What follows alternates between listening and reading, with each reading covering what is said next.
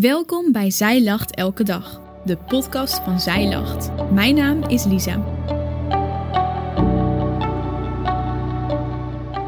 Dit is de overdenking van 2 juni door Mandy Wittekoek. Ben jij wel eens bezig met wat jouw roeping is? Wat je zou moeten doen? Of je wel op de juiste plek zit?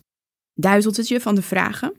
We duiken twee dagen in dit onderwerp vandaag over onze algemene roeping als christenen en morgen over jouw unieke taak. Het Nieuwe Testament staat vol met brieven aan jonge christelijke gemeenten en met aansporingen en bemoedigingen hoe de leden ervan christen kunnen zijn. Deze gelovigen worden dan ook meer dan eens ergens toe geroepen. Een klein lijstje. God is getrouw, door wie u geroepen bent tot de gemeenschap van zijn Zoon Jezus Christus, onze Heer. 1 Korinthe 1, vers 9. Of, want God heeft ons niet geroepen tot onreinheid, maar tot leven in heiliging. 1 Thessalonicense 4, vers 7. En hij heeft ons zalig gemaakt en geroepen met een heilige roeping, niet overeenkomstig onze werken, maar overeenkomstig zijn eigen voornemen en genade die ons gegeven is in Christus Jezus voor de tijden der eeuwen. 2 Timotheus 1 vers 9 Christenen zijn geroepen om in gemeenschap te leven met Jezus, om heilig te leven en dit alles bovendien niet door onze eigen inspanning, maar door die van Hem. In andere teksten staat er ook dat christenen geroepen zijn om vrede te bewaren en trouw te zijn. Kortom, het gaat om een manier van leven. Met je leven laat je zien dat je Jezus volgt. Je leeft met God en tot eer van Hem. Wat betekent dat concreet voor onze levens?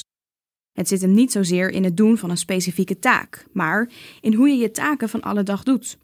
De houding die je hebt, hoe je omgaat met de mensen om je heen, welke plek God in je leven heeft. Het zijn vaak onzichtbare dingen die de mensen dichtbij het meest merken.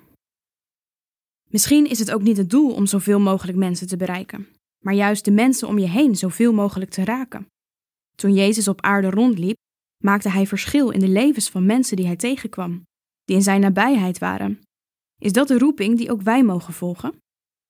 Hoe doe je dat, die algemene roeping in jouw leven tot uiting brengen? Ten eerste is het weten dat je het niet uit jezelf hoeft te doen, Zoals er in 2 Timotheus staat: God heeft ons geroepen. We hoeven het niet te verdienen. Het is met een houding van dankbaarheid je leven aan God geven. Dankjewel dat je hebt geluisterd naar de overdenking van vandaag. Wil je de overdenking nog eens nalezen? Check dan onze website. Je vindt daar ook nog meer toffe dingen die jou helpen om de Bijbel vaker te openen, zoals boeken, Bijbels, cursussen en evenementen. Morgen ben ik weer bij je terug met een nieuwe overdenking. Tot dan!